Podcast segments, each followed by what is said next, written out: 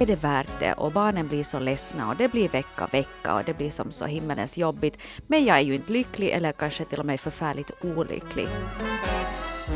När man vänder på det så är det också en ganska hemsk sak att utsätta ett barn för att jo, jo, att jag var ju olycklig i fem år men för din skull bet jag ihop. Och då skulle man kanske som barn säga att men hör du, det var nog onödigt det. Ja, varför liksom, det? Du sätter det på mig att du var olycklig i fem år. Ja, det var mitt fel. Ja, det är mitt fel.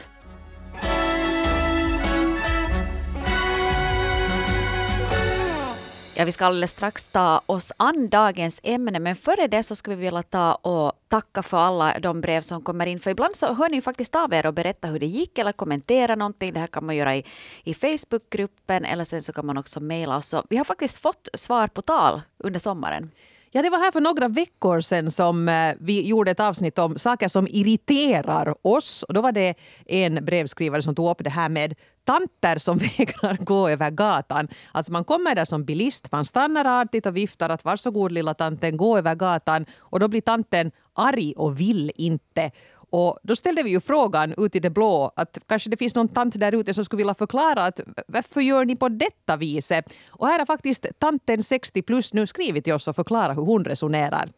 Hej, jag är en sån där tant som ofta vinkar åt bilar som stannar vid skyddsvägar för min skull att de ska köra vidare.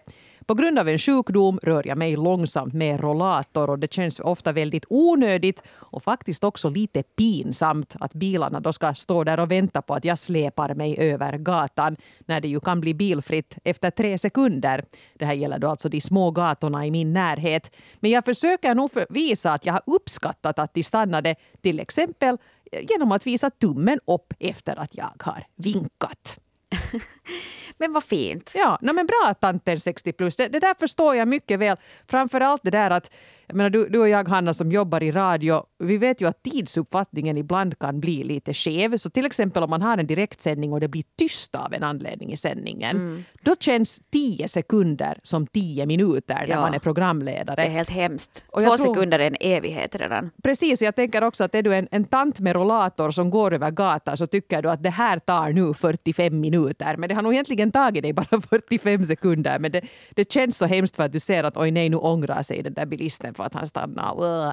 Så jag, ja. jag förstår det här bra. bra. Tack, tack tanten för att du förklarade det här till oss. Ja, och sen alla bilister, att om ni nu ser då en tant som står där då med, med sin rollator eller en farbror som ska gå med käppen över gatan och den inte vill, eller hen inte vill gå då över, så, så vinkar man och mojkar och tummar upp och vad man gör. Så. Se glad ut och vinka. Se glad ut och, yes, och vi kommer att överleva det här också. Så. Precis. Ja, men i alla fall alltså, härligt då ni hör av er och vi har faktiskt fått ganska många svar på olika frågor som vi har ställt och ni har återkopplat lite till hur det sen gick som det gick. Och vi skulle faktiskt kunna ta ett sånt där, kanske ett helt avsnitt här i något skede där vi, vi tar och återkopplar. Så fortsätt att skriva in till oss att hur, hur gick det sen? Och då kan du antingen e-posta oss på relationspodden yle.fi eller sen kan du skriva in i vilket som helst av våra formulär som ligger ute för då landar det ändå i vår inbox och då är du lite mer anonym också. Men det är jätteroligt när ni sen berättar att hur gick det sen efter att vi har stött och blött era bekymmer här i podden. Och kom ihåg också att på vår Facebook-sida så där kan man ju också ställa egna frågor. Det är ju inte bara vi som ska inleda diskussioner där utan det är ju fritt fram för vem som helst att skriva. Och det är ju en sluten grupp så det är bara de som är medlemmar som ser vem som har skrivit vad. Exakt. Men nu Hanna, nu ska yeah. vi ta oss an dagens ämne för att vi fick så förfärligt många och bra brev. Det här kommer att säkert bli världens längsta poddavsnitt tror jag. Och jag tror att det är viktigt för att det här är ett ämne som inte är så lätt eh, att att uh, kanske fälla en, eller fälla en dom i. Uh, vi frågar oss nämligen att är det värt att hålla ihop äktenskapet för barnens skull? Och det här är någonting som man hör ganska ofta och som jag själv också har tänkt i något skede innan jag själv valde att gå skilda vägar med mina barns far. Att, att är det värt det? Och barnen blir så ledsna och det blir vecka, vecka och det blir som så himmelens jobbigt. Men jag är ju inte lycklig eller kanske till och med förfärligt olycklig. Mm. Är barnen då liksom orsak nog att, eh, eller ska man som offra sin egen lycka för barnens skull? Och vi har fått in brev av föräldrar som har varit med om det här men det är också ganska många som har varit barnet i den här ekvationen som har hört av sig och sett tillbaka på det som hände. Så att eh, vi ska försöka få med så många brev som möjligt och då tycker jag vi kör på raskt här med småbarnsmamma snart 40 som skriver så här. Ja, jag önskar att mina föräldrar hade skilt sig när jag var ung. Nu är jag snart 40 och blir stressad bara av att åka och hälsa på dem för jag känner fortfarande att de inte riktigt tål varandra. Ändå håller de ihop fast barnen numera är utflugna. Av ekonomiska skäl sa den ena av dem en gång när hen fick frågan. För jo, vi har fört den här saken på tal många gånger. Nu är det jag och sambon som funderar på separation. Det känns otroligt jobbigt och jag försöker tänka på att jag faktiskt är en gladare mamma när sambon till exempel är bortrest och jag slipper allt gnabb som stjäl energi av mig. Och jag skulle inte vilja att mina barn i framtiden säger åh, oh, vi önskar att ni hade skilt er, för historien har ju tyvärr en tendens att upprepa sig. Så säger småbarnsmamma snart 40. Det var faktiskt flera av er i breven som nämnde just det här med lite äldre föräldrar som envist håller ihop. Det är kanske lite en generationsfråga det där att har man en gång gift sig så då ska man hålla ihop i vått och torrt fast alla i omgivningen ser att de där två tycker ju inte ens om varandra längre och i princip lever de ju som två ensamma personer på samma adress. Så skilj er nu bara. Men eh, det tydligen tycks vara svårt för somliga. Jag förstår det här med ekonomin också, förstås. Ja, och sen att du kanske har byggt det där huset, du har den där sommarstugan och du har liksom att hela era liv är som så otroligt inflätade i varandra så att det skulle bli en, en, en enorm soppa på något vis att, att reda ut det där. Så att det kan jag kanske förstå. Men, men just den här små, småbarnsmamman här nu då som funderar att, att hon ska fundera, eller fundera på att skilja sig och märker just i det föräldrarna att hur de inte tål varandra. Och där tror jag att ingen skillnad där att är du en småbarnsmamma snart 40 eller är du ett, ett barn som är ett barn så känner du fortfarande av att dina föräldrar inte tål varandra. Och jag tror att det här som många går i den där fällan att de tror på något vis att barnen inte märker mm. att det är kylig stämning. Och det behöver inte vara så att, det, att man grälar så att tallrikarna gör hål i, i väggen utan det kan bara vara det att det finns liksom, att det är bara kalla kriget där hemma. Att det är bara liksom tystnad och stela leenden, kanske lite pikar och, och tystnad och så här. Mm, exakt. Och här är till exempel Udda, 79, som skrev att när mina föräldrar äntligen separerade då kände jag bara lättnad för det blir ju slut på allt tjafs och bara jag ska ha hennes uppmärksamhet. De blev normala personer igen. Det gick att prata och diskutera med dem. Det var omöjligt så länge de hörde och såg varandra. Mm. Så en sån erfarenhet. Ja, där ser man ju då att det kanske var liksom mycket bättre. Och precis som småbarnsmamman sa också, att märker att, att hon är en gladare mamma när, när sambon är bortrest. Det säger ju ganska mycket i sig. Och, och barnen tror jag bara ändå vill att föräldrarna ska vara lyckliga. Mm. Så att sen att om då pappa är bortrest så har vi mycket kivugare med mamma och kanske tvärtom att sen då mamma far på körövning så blir pappa lyser upp igen och börjar spela Monopol med oss. Sen behöver det ju inte alltid vara på det här sättet heller. Här är signaturen 24-årig flicka som har skrivit om sin erfarenhet av det hela. Mina föräldrar skildes när jag var ett litet barn och efter skilsmässan så fungerade vi barn som postfördelare mellan mamma och pappa eftersom de inte ville ha kontakt med varandra. Det andra jobbiga var att som barn bo i en väska konstant. Jag fick aldrig ett hem utan skickades runt vecka efter vecka.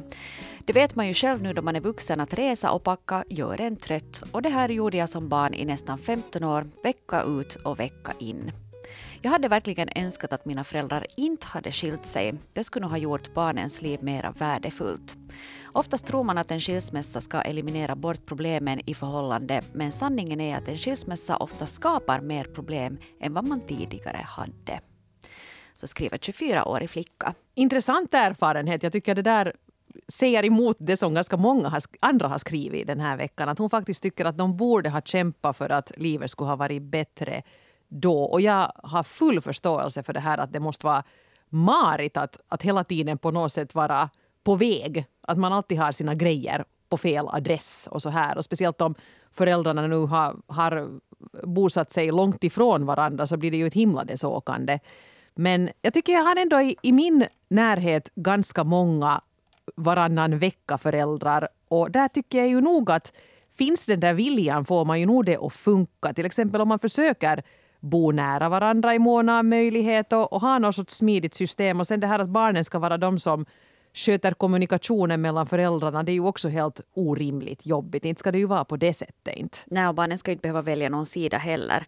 Och jag har också sådana här vänner som lever sådana vecka-vecka-liv och de, fast de kanske till mig svär över sin expartner och, och hennes äh, jäkligheter så, så försöker de ändå att inte till barnen då sen vidareförmedla det här. Att man kanske då kan vet du, perkla sig åt en kompis men att man inte behöver ha barnen att göra det där. Så att barnen har det svårt ändå. Jag menar, inte behöver man ju vara hjärtevän med sitt ex fast man har barn ihop. Men att kanske, kanske man nu ens skulle kunna ha en neutral liten WhatsApp-grupp för familjen då där man kan underrätta om, om praktiska saker och så här. Men, men jag förstår ju faktiskt mycket sympatier till den här 24-åriga brevskrivaren här för att hennes föräldrar skötte ju kanske inte här nu riktigt klockrent som satt henne i en sån här situation. Så att jag förstår nog hennes, hennes önskan om att de kanske ändå skulle ha åtminstone stanna på samma adress så där att det skulle ha varit bekvämare för barnen. Mm. Och här har vi faktiskt fått ett brev från signaturen Lyckligt skild 40 år som verkar ha fått det här med varannan vecka tillvaron att löpa ganska bra. Och hon skriver så här. Vi var gifta i 13 år och hade tre barn som alla var under 10 år. Våra problem hade pågått ganska länge men vi bråkade nu inte desto mera. Vi var nu mest som vänner eller kollegor där hemma. Jag tänkte länge att jag skulle hålla ut i tio år till för barnens skull. Men de sista åren blev problemen större och jag och min partner mådde dåligt. Vi försökte ändå hålla upp en fasad för barnen. Men det går inte att lura barn. De läser av en som en öppen bok. De sov dåligt, de bråkade mycket och min äldsta hade mycket ångest. Han gick hos en kurator och sa själv att han inte kunde förstå varför han kände sig så ledsen hela tiden. Men jag förstod ju nog. Vi bestämde oss för att separera för snart ett och ett halvt år sedan. Vi gjorde så att barnen fick bo kvar i huset och vi vuxna turas om att flytta. Det tog bara en månad så märktes en enorm skillnad hos barnen. De blev mer och mer harmoniska och sonens ångest försvann, också de yngre barnens oro och ilska och vi vuxna mådde ju betydligt bättre. Vi fortsätter att göra så att vi vuxna växlar boende. Det har fungerat utmärkt eftersom vi kommer bra överens och högtider och födelsedagar firar vi alla tillsammans. Så att hålla ihop för barnens skull är ingen lösning om man inte mår bra i relationen. Barnen märker av det direkt och så börjar de också må dåligt. Så säger jag lyckligt skild 40. Jag tycker det här är en ganska bra lösning på det hela om man kan då, jag vet inte om de här nu föräldrarna hade samma lägenhet som de bodde i då de jag inte var i huset. Att det kanske jag skulle kunna tycka att det är lite, lite mysko att äh, man tänker att de båda fast har något nya och man sover i samma säng fast man inte sover här samtidigt. Att det kanske skulle kännas lite märkligt.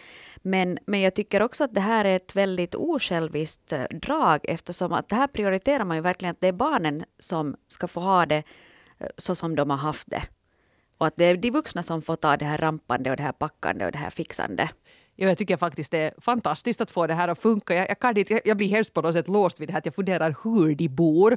Och så tänker man att är det den där veckan när man bor då i det där huset igen så ligger man i den där samma sängen. Mm. Eller har de inrett liksom också två sovrum så att ja, det skulle kännas jättekonstigt. Ja. Då ska man undra att vad hände i den här sängen förra veckan? Eller, ja. eller kanske allt som händer i sängar sker i den där lovepadden som de turas om att bo i varannan vecka. Eller hur det, Förlåt nu, du som ja. skrev. Jag håller på här och fantiserar fritt kring din situation och är säkert helt ute och cyklar. Men jag kan inte låta bli att, att tänka vidare. Men jag tycker det är ju helt fantastiskt att ni har fått det här att funka. Och det som det står och faller med är ju förstås att ni kommer överens och att det kanske inte var en sån här fruktansvärt hatisk och bitter skilsmässa utan att ni båda var ganska överens om att nej, att vår relation är inte kärleksfull längre, att vi är ju mer som kompisar. Men då kan det vara en ganska bra grogrund att bygga upp någonting sånt här på. Mm. Ja, men alla kan ju låta sig inspireras ja. som går i, i sådana här tankar. Och där också förstås, som vi redan var inne på, fullt förståeligt att alla inte har de ekonomiska möjligheterna att, att göra så här. Men, men om man har det så är det här ju en fantastiskt, ett fantastiskt upplägg. Mm. Vi skulle kunna ta och, och, gå vidare här och få en uh, synpunkt av en lite äldre brevskrivare.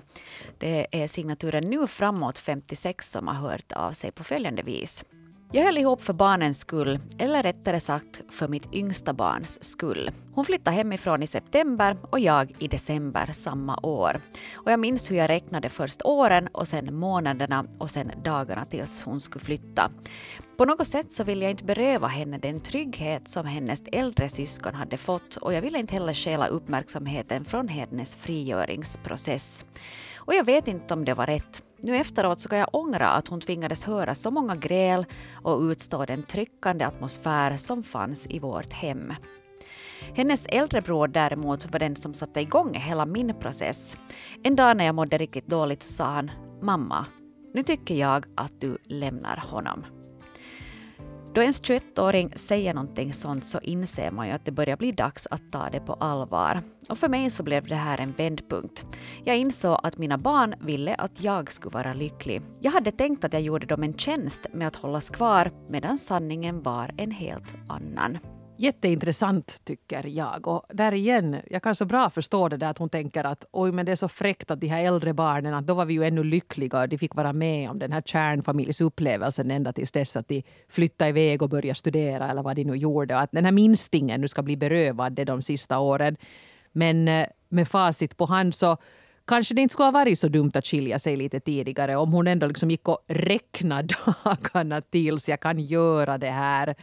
Eh, och sen då faktiskt blev lyckligare så fort hon, hon lämnade sin man. Ja, och sen tänker man den här dottern, hon skrev att dottern flyttade ut i september och, och den här kvinnan själv då i december. Så nu måste ju dottern då ha märkt att okej, okay, mamma satt tydligen just och räknade dagarna och, och månaden tills jag flyttar ut. Och det är ganska, när man vänder på det så är det ju ganska hem, också en ganska hemsk sak att utsätta ett barn för att jo, jo, att jag var ju olycklig i fem år men för din skull bet jag ihop. Och då skulle man kanske som barn säga att men hör du, det var nog onödigt det. Ja, varför liksom, det? Ja, att kiva. Ja.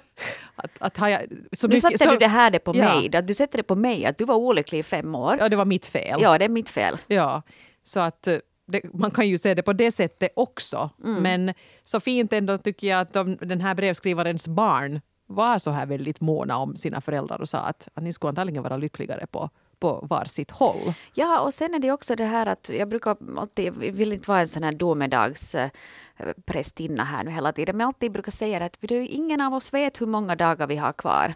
Det kanske är tre månader som du har kvar, det kanske är 30 år du har kvar, men då du inte vet. Du menar länge, kvar i livet? Kvar då? i livet, ja. ja hur länge ska du bli och jumitta där då, vet du, med den där tråkiga gubben eller den där sura tanten? Mm. Mm. Just saying. Just saying. Uh, vi har också fått brev av några män den här veckan och då ska vi kunna ta här brevet från singelpappan 40 uh, eh, härnäst. Cirka fem år före jag och sambon slutligen separerade insåg jag att vi inte skulle komma att leva våra äldre dagar ihop. Hennes kärlek till mig hade svalnat redan tidigare och då svalnade också mina känslor för henne så småningom. Vi diskuterade aldrig känslor och orsaken var nog att ingen av oss ville dra igång stormen. Jag hade tänkt vänta tills båda barnen var myndiga men hon tog initiativet några år tidigare och jag hade nu ingenting emot det. Trots att vi hade slutat med stora gräl för många år sedan så tror jag att våra barn fick det bättre efter att vi separerat. För nu märkte ju barnen hur kylig vår relation var trots att vi inte grälade öppet. Men jag hade ändå hellre väntat i några år. Och det eftersom jag ju förlorade halva den tid jag fick ha med barnen.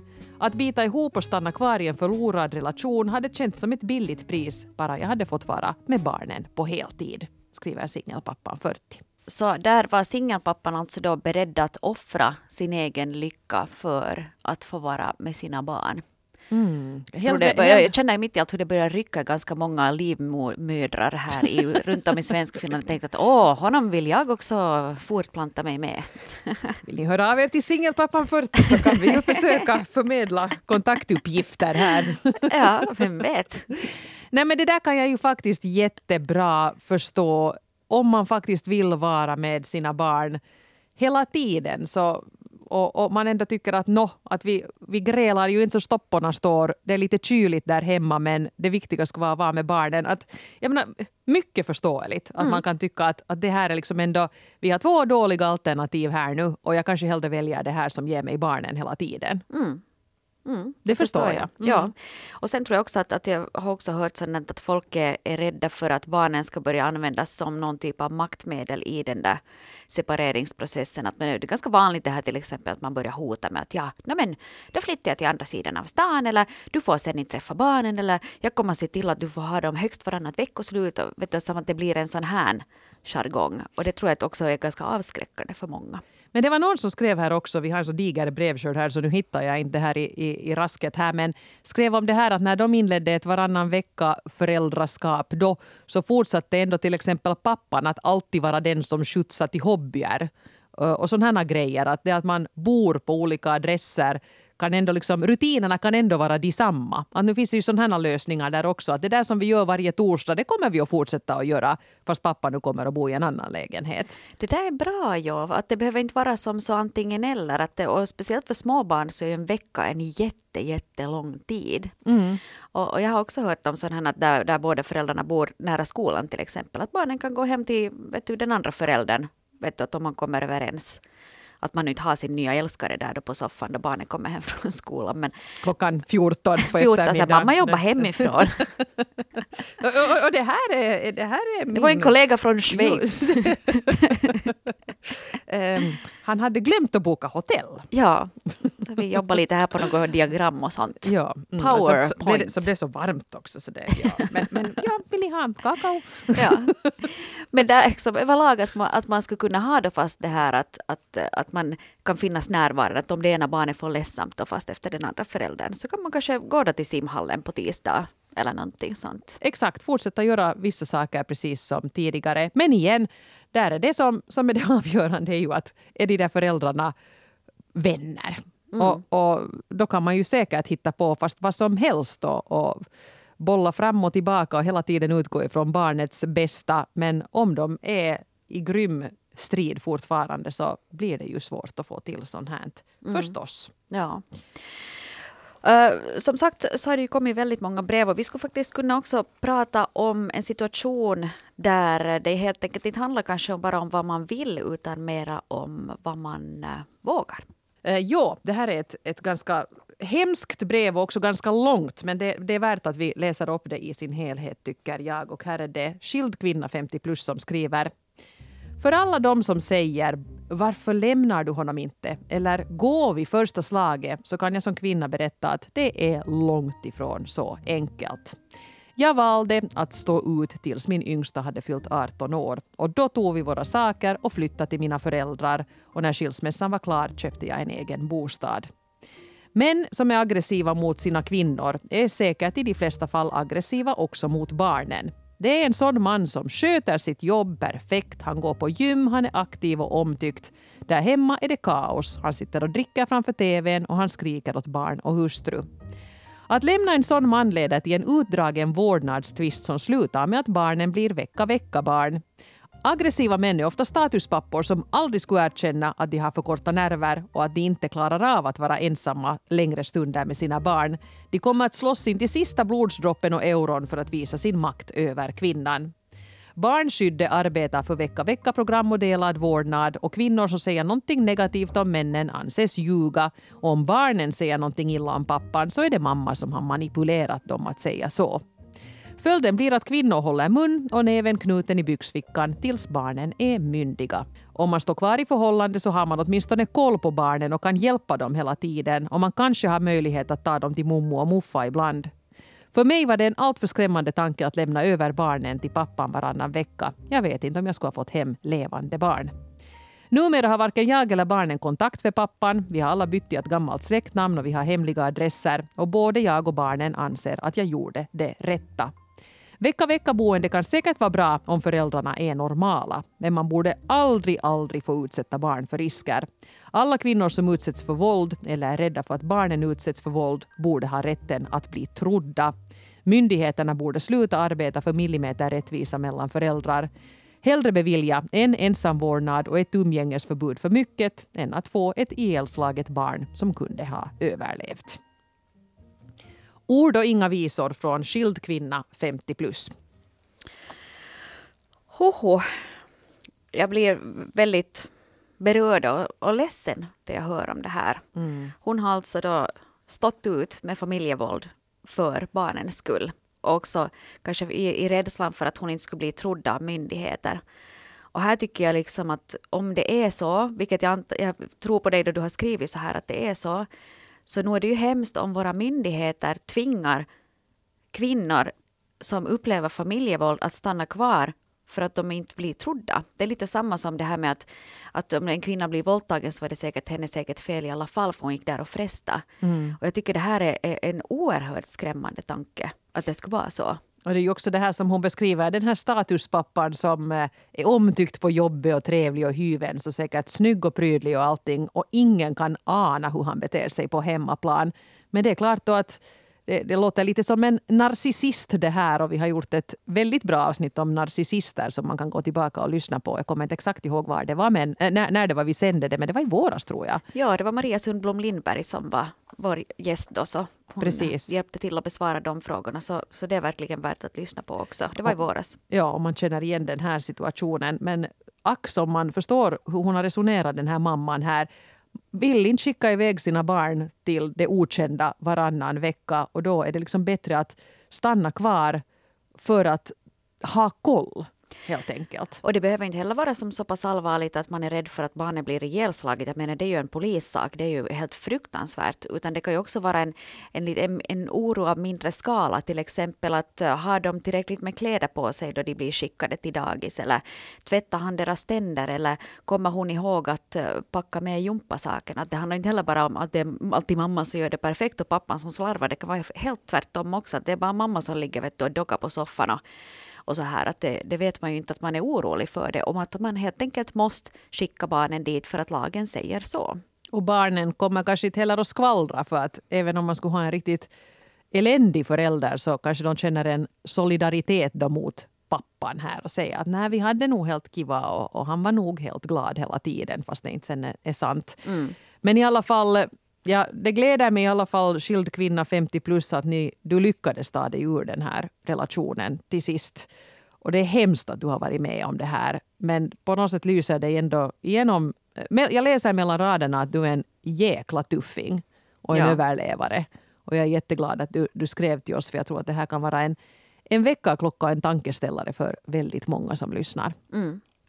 Och när vi nu är inne på det här så skulle vi ju faktiskt kunna gå vidare med att eh, byta synvinkel lite grann. Hur man ska bete sig när man inte själv är involverad i den här skilsmässosoppan utan man är den som står bredvid och skulle vilja hjälpa och stötta. Hur ska man göra då? Mm, Mimosa 35 har skrivit till oss så här. Jag har ingen personlig erfarenhet av det här. Däremot är jag vän med den ena parten av ett par som är i den här situationen. Som vän så har jag sett hur illa hen mår och när jag har varit på besök är stämningen ofta stram. Min väns partner är ofta borta hemifrån och min vän och hennes partner talar inte med varandra, inte ens då det är fest. Min vän har bett om råd om vad hen borde göra och hen är lite i valet och kvalet om att stanna eller gå vidare. Men hen lyssnar inte på råden för hen resonerar att det är bäst att stanna ihop för barnens skull eftersom barnen behöver en hel familj och att de inte kommer att ta skada av det här eftersom de inte förstår. Jag har försökt säga att det inte är så, att barnen inte mår bra av det här, att min vän och hennes partner inte mår bra av det här, men förgäves. Så för tillfället så har jag gett upp med att ge råden hen frågar efter. Hen blir oftast ändå förnärmad och arg när jag ger dem. Det känns illa att bli sedd som den där elaka som lägger katten på bordet, men det får väl vara så då. Också mitt eget mående har börjat ta en törn av det här och jag orkar inte vara ett bollplank för någon som bara är arg på mig för att jag gör det som de bett mig göra. Jag önskar bara att hen skulle komma till en bra lösning på egen hand och det snart skriver Mimosa 35. Jag har ett, en första idé till Mimosa 35. Tänk om du lite sådär försynt skulle be din vän lyssna på det här poddavsnittet eller läsa de berättelser som vi kommer att lägga ut på svenska.yle.fi. Bara säga att hör du, här är ju andra som har varit lite i samma situation. Att du kan ju läsa vad de tycker. Mm, det där är jättebra, för då är du inte den enda som är liksom mm som är den här eh, som kommer med, med, med domen sådär, utan att du kan märka, för det är ju nog alltid, det här är ju jättesvåra situationer och jag tycker många som jag också har pratat med som har funderat på att ska de skiljas eller inte, att det är just det här limbo före beslutet är fattat som är det absolut värsta. Mm. Att sen då det beslutet är fattat så brukar man ändå liksom hitta den där styrkan att uh, att liksom deala med det, ordna med det praktiska, fixa ny camper och bla bla bla. Att det brukar ordna sig. Men just det här obehagliga då man inte vet hur man ska göra. Och därför tror jag också att, att eh, just det, Mimosas vän kanske kan få lite stöd där också. Märka att ah, det är tydligen flera som är. Att det är inte bara jag som, som är i den här situationen. Men jag tycker Mimosa att de, ibland blir folk ju sura på dem som säger sanningen. Och jag tror kanske att din vän inte blir egentligen arg på dig utan att hon det blir lite som en käftsmäll när du säger det som hon nog innerst inne vet. Ja, eller vi vet ju inte om det är en, en hon nu då förstås. Ja, jag, tänkte, jag bestämde att det var en hon, men ja, det kan ju det, vara en han också. Hen, förlåt mig. Henne, henne skrivet här, ja, så att det, vi vet ju inte om det är en kvinna eller en, en man. Sådär. Och, och det kan vara just att den här ilskan kommer ju oftast, vet ni, då man känner sig lite sådär uh, inträngd i ett hörn. Och det kan hända med Måse då att din vän är väldigt liksom desperat och vet inte hur man ska göra. Det känns som att hur man än gör så blir det fel och då, liksom, då man känner sig attackerad och står där med ryggen mot väggen så är ens enda möjlighet liksom att slå tillbaka. Ja, precis. Och då är det ska du, du som är min kompis också börja gräla på mig här ja, nu till Och då är det du som får ta den skiten och jag tycker inte att det är rättvist men det kanske är förståeligt. Så kanske du bara helt enkelt backar ett tag för jag menar... Och, Eller säger, vet du vad, det här är ett beslut som du måste fatta, men det ska du veta att jag är här för dig och barnen oavsett vad du bestämmer att göra. Ja. Att, att jag är här åtminstone, jag försvinner ingenstans. Det är bra. Det är kanske där ni måste gå vidare nu. Men, och sen måste du kanske lite ta distans, uh, inte bli så involverad i det här. Uh, för det är din vän som måste bestämma hur det här ska skötas. Och man kan inte göra så hemskt mycket i en sån här situation. Annat är det då, tycker jag, om man märker att man har en vän som till exempel som i det här förra brevet blir misshandlad. Då tycker jag man har en plikt som, som kompis att gå in och säga att stopp. Och kanske också hjälpa den här vännen att dokumentera det som händer. Det kan mm. vara ganska viktigt det också. Säga att är du helt blåslagen på armarna nu igen, nu tänker jag fota det och så här. Sådana grejer kan man ju också liksom stötta med som, som kompis. Men om det nu är någon som egentligen har ett ganska liksom stabilt förhållande som liksom lite har gått på grund så då kanske man inte behöver lägga sig i så mycket som kompis utan bara signalera det här att hör du, jag är här för dig. Jag är här för dig. Det behöver du inte fundera på. Och ja. nu måste du bestämma själv hur du ska göra. Och kanske inte pusha heller, för jag har också haft äh, vänner som har varit äh, jag menar, du, du, och jag brukar ju vara så att folk kommer till oss med sina problem för de är vana med att okej, okay, du har gjort 200 avsnitt om relationer, att kan jag fråga dig om din åsikt? Vi brukar ibland ha lite sån här pop-up relationsrådgivning ja, som, som vi inte har liksom riktigt frivilligt. Men, men det är helt, det är helt okej. Det får ja. man göra. Det får man. Och faktiskt måste jag säga att det vanligaste frågan så brukar vara just det här att hur vet man när det är dags att gå? Och, och jag kommer ihåg att jag hade en gång ett, en, en kompis som, som just funderade på det här och var väldigt liksom, det var helt fem före att hen skulle ha fattat och beslutat att okej, okay, nu är det färdigspelat. Uh, och sen så pratade vi om det där i några månader, det var ganska på. Men sen så gick luften ur det och så blev en hen ändå kvar där. Och då var man så att okej, okay, men det är ditt beslut. Mm. Att, inte, att inte fatta ett beslut är också att fatta ett beslut, om du förstår vad jag menar att, att det att du väljer att inte gå, så det också, då väljer du det. Mm. Uh, det var någon som sa det där att um, if you're not changing it, you're choosing it. Att om inte du förändrar på det, så då väljer du det. Att inte göra någonting är också ett val. Mm. Och det där tror jag att det är kanske en bra tanke att, att fundera på också. Vi har en pappa till som har skrivit till oss eh, signaturen man 47 år som beskriver sin situation så här. Vi skilde oss för ett år sedan efter 15 år tillsammans. Kärleken försvann redan flera år tidigare men vi höll ihop med tanke på barnen och nu bor de vecka vecka. Att vänta några år var kanske en bra sak trots allt för barnen han blir cirka tio år och de kunde också bättre förstå vad ett förhållande är och varför vi skilde oss. Det kändes också bra att barnen tydligt vet vilka som mamma och pappa är även om nya personer skulle komma in i deras liv. Min erfarenhet är att processen har gått bättre än jag befarade. Tydligen har barnen inte tagit någon större skada och vi föräldrar är fortfarande nöjda med att vi vågade ta steget att skiljas. Men inte hade ju varit någon dans på rosor. Åtminstone jag sörjer att äktenskapet kraschade. Jag upplever ensamhet och oro inför att våga tro på kärleken igen. Så sammantaget, att skiljas var det bättre av två dåliga alternativ, både för oss själva och för barnen. Det där tycker jag summerar det ganska bra när man har två dåliga alternativ och ska försöka välja att vilket är nu sen det bättre för oss allihopa. Mm. Och här eh, tycker jag också att det är fint att den här mannen eh, vågar säga att okej, okay, att det, det, det, var inte så lätt och jag känner mig ensam och jag sörjer det här äktenskapet. Att det finns också sådana känslor att det är inte alltid att man kanske inte börjar knäppa på Gloria Gaynors I will survive vet du, direkt heller så här. Och man kanske inte direkt vill börja gå ut och festa och dejta igen utan man kanske sitter där på sin soffa och gråter i sin chipspåse några månader eller ett år Och det är helt okej det också. Men, men där tror jag också att man ändå har vågat göra någonting. Och då finns det ändå liksom en, en möjlighet för någonting nytt att komma in. Och det betyder inte att det är en ny partner som måste komma in. Men du kanske hittar nya hobbyer. Du kanske märker att jag har mer tid för mig själv då barnen är hos den andra att mitt i allt så blir det, blev det en paddelspelare av mig också. ja, då har det nog gått långt. Då har det gått för långt. Om norrena blir en paddelspelare, då, då, då blir jag nog orolig på Det kommer inte att hända. Det är jag helt säker på det. Never. Nej, men alltså för att summera det här nu på något sätt. Nu hade vi liksom ett väldigt brett spektrum av lyckligt skilda och riktigt svåra skilsmässor och, och misshandel och, och hemskheter och sånt här.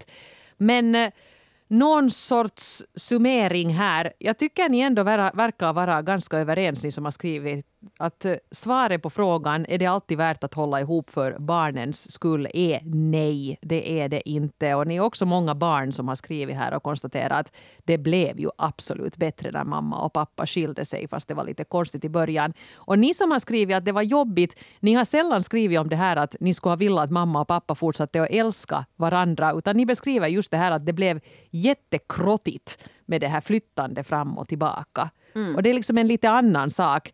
Så att barnen kommer nog att klara sig bara man ser till att det här praktiska löper och allra helst också har en åtminstone en neutral relation till sitt ex så att barnen inte ska behöva vara de som agerar budbärare mellan två jättesura och förbittrade föräldrar. Mm. Och en jätteviktig sak också som jag tycker genomsyrar hela brevskörden var just det här med att, att man håller ihop för barnens skull. För man tror att inte märker de någonting. För här sitter vi ändå och ler lite sådär kallt mot varandra. Men barnen märker. Mm. Det, har, det står i typ varenda brev också. Att, att barnen märker nog av det. Så att eh, du kan inte lura dem heller. Så jag menar, ni är ju ändå en familj och barn är ju också, som du brukar säga, trots allt människor. Så. ibland, ibland tvivlar man på det, ja. men de är nog människor. Ja, ja. så att, att där också att man förstår det och att, att de förstår mer än man skulle tro. Så. Tusen tack till alla er som skrev generöst och fint och vackert och modigt till oss. Alla brev rymdes förstås inte med här i podden. Några till ska vi publicera på svenska.yle.fi. Och hörni, nu kör vi höst och höstsäsong av relationspodden Norrena och Frans. Maila oss gärna på relationspodden yle.fi med tips på vad du tycker att vi borde ta upp i höst. Och så hoppas jag att vi också ses i Facebookgruppen Relationspodden Norrena och Frans. Det gör vi. Ha det så bra och så hörs vi igen om en vecka. Hej då! Hej då!